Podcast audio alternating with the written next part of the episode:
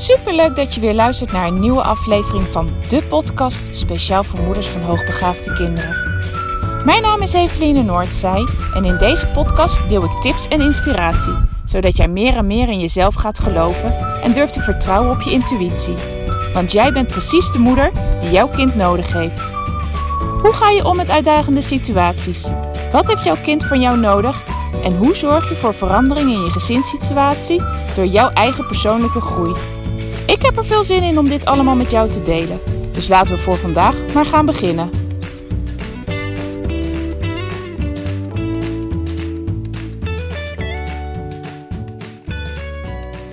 Ha, lieve luisteraars. Vandaag in deze podcast wil ik het met je hebben over het wel of niet testen van je vermoedelijk hoogbegaafde kind. Want afgelopen week had ik uh, meerdere keren de vraag gekregen van ouders tijdens uh, de vrijblijvende adviesgesprekken die ik met ze voer. En ik dacht, ja, weet je, hetgene wat ik elke keer aan hen vertel is natuurlijk ook gewoon heel interessant voor andere ouders. Vandaar dat ik het ook in deze podcast uh, met je ga delen. Want wanneer je jouw kind herkent in een groot deel van de kenmerken van een hoogbegaafdheid, uh, en nee, dat hoeft niet te betekenen dat ze alle kenmerken hebben, maar in het groot deel van de kenmerken herken jij je kind. Dan kan het zijn dat jouw kind hoogbegaafd is. En als het dan, um, ja, soms vraag je je dan af: is het nodig om aan mijn kind hierop te laten onderzoeken? Of is dat juist helemaal niet nodig en kunnen we op een andere manier verder? Nou, sowieso ga ik ervan uit dat het niet altijd nodig is om je kind op hoogbegaafdheid te laten onderzoeken. Een, intelligent, een intelligentietest geeft niet altijd de antwoorden op de vragen die je hebt. Dus ik kan ook zeggen dat het zeker niet altijd de eerste of de beste stap is om te nemen. Uh, maar wanneer is het dus dan wel nodig? Uh, dat bespreek ik aan de hand van een drietal punten. En het eerste wat belangrijk is wat je jezelf kan afvragen is of. Um, um, ja, wat, wat voor antwoord je wil, wil krijgen met het onderzoek. En wat is jouw motivatie om je kind te laten testen? Wat wil je bereiken? Wat is de reden? En vooral welk doel wil je behalen? Dus welke uitkomst ja, hoop je dat je krijgt? Welk antwoord op welke vraag wil je krijgen? Nou, dit is de eerste stap en als je die helder hebt, dan ben je al heel veel verder. En dan kan je kijken of hetgene wat jij met het onderzoek wil bereiken ook in deze drie punten valt. Nou, ik ga ze één voor één benoemen. Het kan zijn dat je, dat je ja, hetgene wat je met het onderzoek wil bereiken, dat dat in één van de punten valt. Maar het kan ook zijn dat het meerdere punten beslaat. Nou, de eerste is om meer uh, mogelijkheden voor passende ondersteuning, met name op school te krijgen, maar dat kan ook voor de thuissituatie. Nou, het tweede punt is duidelijk krijgen waar gedrag en problemen vandaan komen. En het derde punt is om te voorkomen dat je kind een misdiagnose krijgt. Nou, ik ga ze aan, uh, één voor één verder met je bespreken. De eerste reden om je kind dus te laten onderzoeken is om te zorgen dat jouw kind meer passende ondersteuning krijgt, zowel op school als in de thuissituatie. Nou, op het moment dat het voor jou heel duidelijk is, en school geeft dat misschien ook zelfs wel aan, dat zij eigenlijk geen kenmerken van hoogbegaafdheid bij jouw kind zien, maar jij dat eigenlijk wel heel erg ziet. En doordat school het niet ziet, ervaar jij, en misschien ook wel je kind, dat, ze daar, dat hij of zij daardoor niet de ondersteuning krijgt waarvan jij denkt als ouder dat het dat wel nodig heeft op school. Nou, dan is een onderzoek heel erg handig, omdat dan je op die manier aan school kan laten zien van hé, hey, maar mijn kind, ondanks dat jullie het niet zien, blijkt toch hoogbegaafd te zijn. En um, heeft toch meer ondersteuning nodig dan dat het op, op dit moment gewoon binnen, binnen de klas krijgt. Nou, een andere reden kan zijn dat je bewijs, tussen aanhalingsbewijs, nodig hebt om jouw kind toegelaten te krijgen.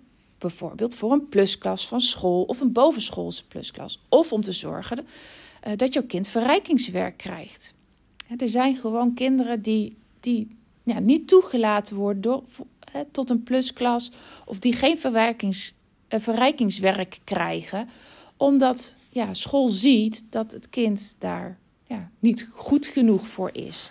En wat ik vaak hoor als reden dan, is dat een kind niet voor een plusklas of verrijkingswerk uh, in aanmerking komt, omdat het geen hele hoge scores op de CITO laat zien.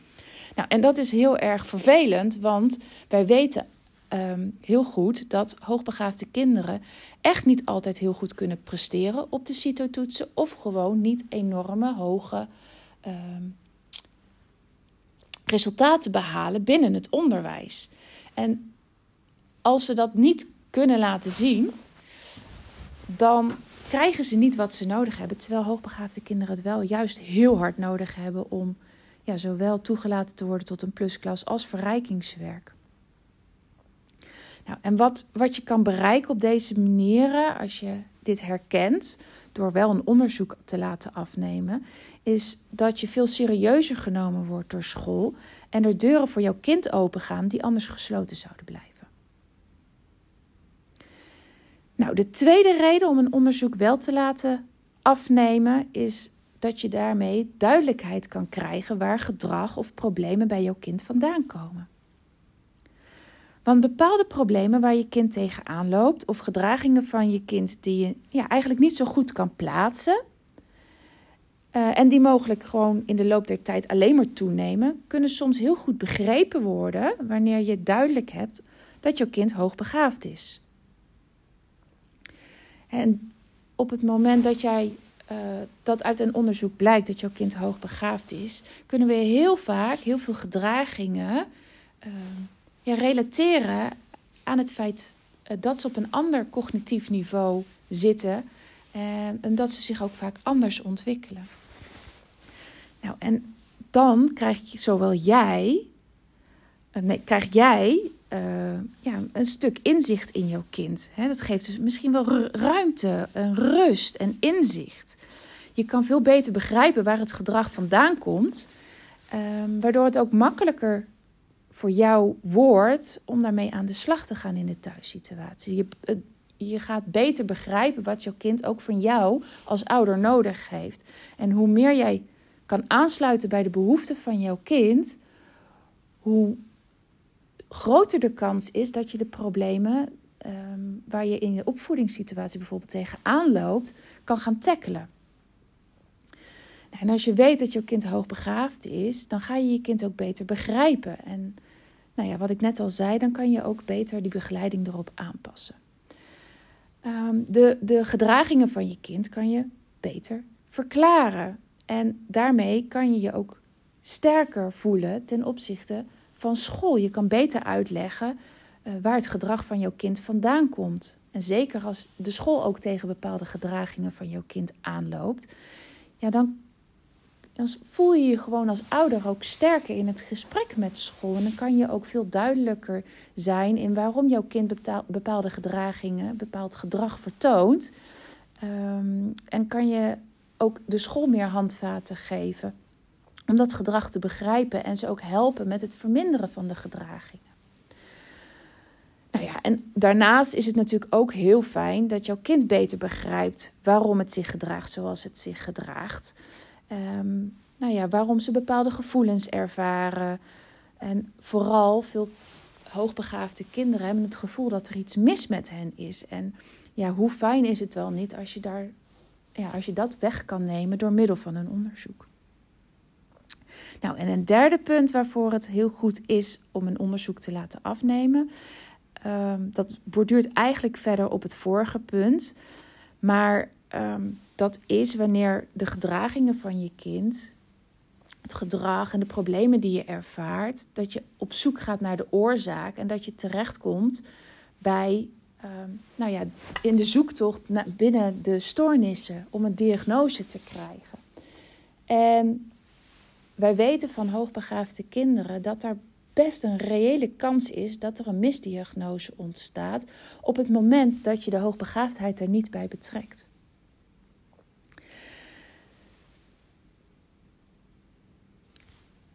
En als je de gedragingen van, jou, van het kind um, en de problemen die ze ervaren kan verklaren vanuit hoogbegaafdheid, dan is een diagnose veel meer onwaarschijnlijk.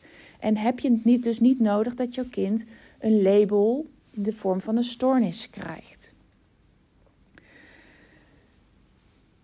Nou, dat waren de drie punten ehm, waarvoor ik, tenminste wat ik altijd aan ouders teruggeef als ze ehm, bij mij ja, contact met mij opnemen met de vraag van ja, moeten we mijn kind nou, ja, moet ik mijn kind nou wel of niet laten onderzoeken?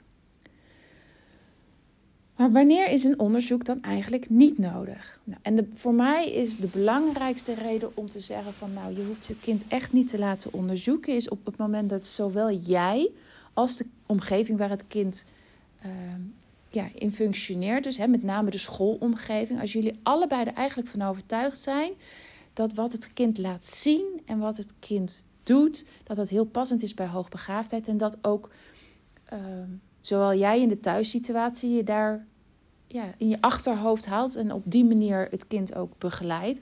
En de school eigenlijk hetzelfde doet.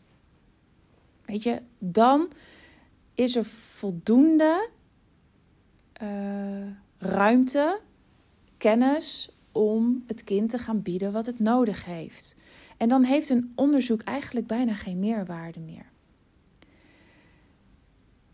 Maar gaat school er eigenlijk wel van uit dat het kind hoogbegaafd is en jij ook. Maar blijft, blijkt het toch nog steeds niet lekker te gaan met je kind. Hè? Je kind zit niet lekker in zijn vel, blijft gefrustreerd, blijft boos, ehm, heeft lichamelijke klachten of nou ja, trekt zich juist helemaal terug in zichzelf. Dan zijn er nog wel steeds stappen te maken, maar gaat, ja, gaat het laten onderzoeken en de uitkomst van het onderzoek je daar denk ik vaak niet heel veel verder bij helpen. Wat ik je dan veel meer zou willen adviseren, is uh, andere vormen van begeleiding. En wat ik dan op dit soort momenten uh, aan ouders, is van, nou ja, weet je, je kan dan kiezen voor een ouder-schoolgesprek. Dat zijn de gesprekken met school die jij als ouder voert, maar waarbij ik dan ook betrokken ben. En dat kan online of offline. Kan ik dan uh, met jou mee naar school of nou, een online gesprek met school. En dan gaan we samen in gesprek met school. En dat is uh, echt de bedoeling dat we dus met drie partijen, de school, jij als ouder en ik, gaan zoeken naar wat het kind nog meer nodig heeft en uh, ja, wat de school daarin kan bieden. En de andere optie is, een, uh, is ouderbegeleiding, één op één ouderbegeleiding waarin ik samen met jou op zoek ga naar wat kan jij het kind nog meer bieden. Aan de ene kant hè, in de thuissituatie. En de, dat kan ook in die oudergesprekken. Wat kan ik je nog aan tips en adviezen en ja, manier van het gesprek met school ingaan, kan ik jou nog meegeven, zodat jij zelf in staat bent om het schoolgesprek op een goede manier te voeren. En ja, in overleg met school ervoor gaan zorgen dat jouw kind ook daar gaat krijgen wat het nodig heeft om zich weer lekker en goed verder te kunnen ontwikkelen. Nou, dat was de, het wat betreft uh, wanneer een onderzoek in ieder geval in mijn ogen helemaal niet nodig is.